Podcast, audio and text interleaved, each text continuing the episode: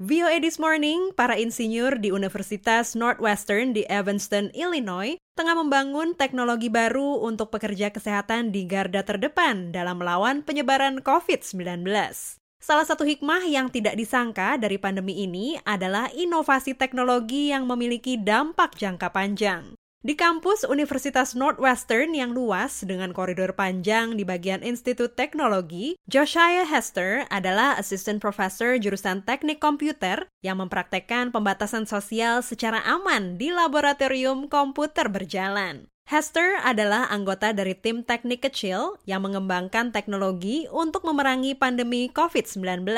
Ia mengatakan, PPE. Kami Uh, tengah membuat alat pelindung diri pribadi yang pintar. Alat ini seperti masker wajah dengan sensor kecil untuk mendeteksi banyak hal seperti gejala COVID hingga rasa lemas. Juga dapat memeriksa apakah masker ini terpasang dengan baik di wajah saya. Tantangannya bagi Hester adalah untuk bisa mengatur sensor tersebut agar dapat bekerja tanpa baterai dan bisa mengurangi biaya sambil menciptakan sesuatu yang belum pernah ada dan memproduksinya secara massal dalam hitungan bulan, bukan tahun. Once we engineer enough where uh, Setelah desain rekayasa akhir di mana kami mampu memproduksinya dalam skala besar, biaya pembuatannya akan turun.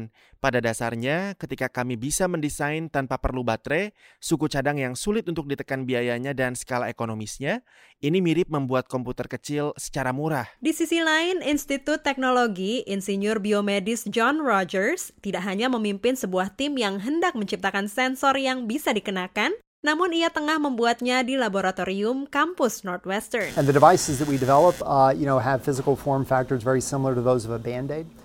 Alat-alat yang kami buat memiliki bentuk fisik yang mirip dengan bandit. Jadi kita bisa menaruhnya di bagian anatomi mana pun sehingga tidak sebatas di pergelangan. Saya sedang memakai salah satu alat ini sekarang di bagian kanan leher saya di atas tulang selangka. Awalnya kami membuat alat ini untuk mengukur aktivitas berbicara dan kegiatan menelan dari para penderita stroke. Dengan adanya kekhawatiran akan resiko terpapar yang dirasakan di komunitas kesehatan, Rogers dan timnya mengadaptasi alat ini untuk menghadapi tantangan-tantangan yang ada sekarang ini. Perhaps this system could be tailored to monitor the key respiratory symptoms. Sistem ini dapat dirancang untuk memantau gejala-gejala utama pernapasan yang disebabkan oleh COVID-19 seperti sesak napas dan batuk. Dalam waktu kurang dari tiga minggu, timnya memodifikasi alat ini dan mengirimnya ke dua fasilitas kesehatan di Chicago, di mana mereka mengumpulkan data yang dianalisis dengan algoritma dan bisa dipakai untuk memantau gejala-gejala COVID-19. Rogers mengatakan permintaan terhadap alat ini meningkat. Kami tengah melakukan perundingan dengan perusahaan yang merencanakan untuk membagikan alat ini kepada para karyawannya, supaya mereka bisa memantau kesehatan karyawan. Hal ini menimbulkan tantangan-tantangan berikutnya, yaitu meningkatkan produksi.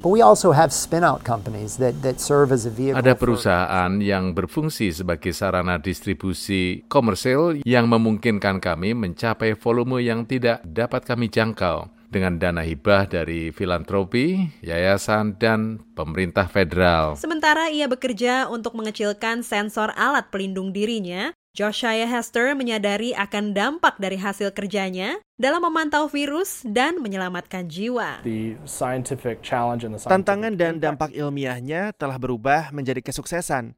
Apa pun yang terjadi, kami akan berakhir dengan bekal ilmiah atau pengetahuan yang nantinya dapat berguna di kemudian hari untuk membuat alat-alat semacam ini. Yaitu alat-alat yang bisa menciptakan teknologi baru, serta aplikasi yang bisa memiliki kelebihan jangka panjang di luar sektor kesehatan, juga setelah pandemi COVID-19 ini berakhir.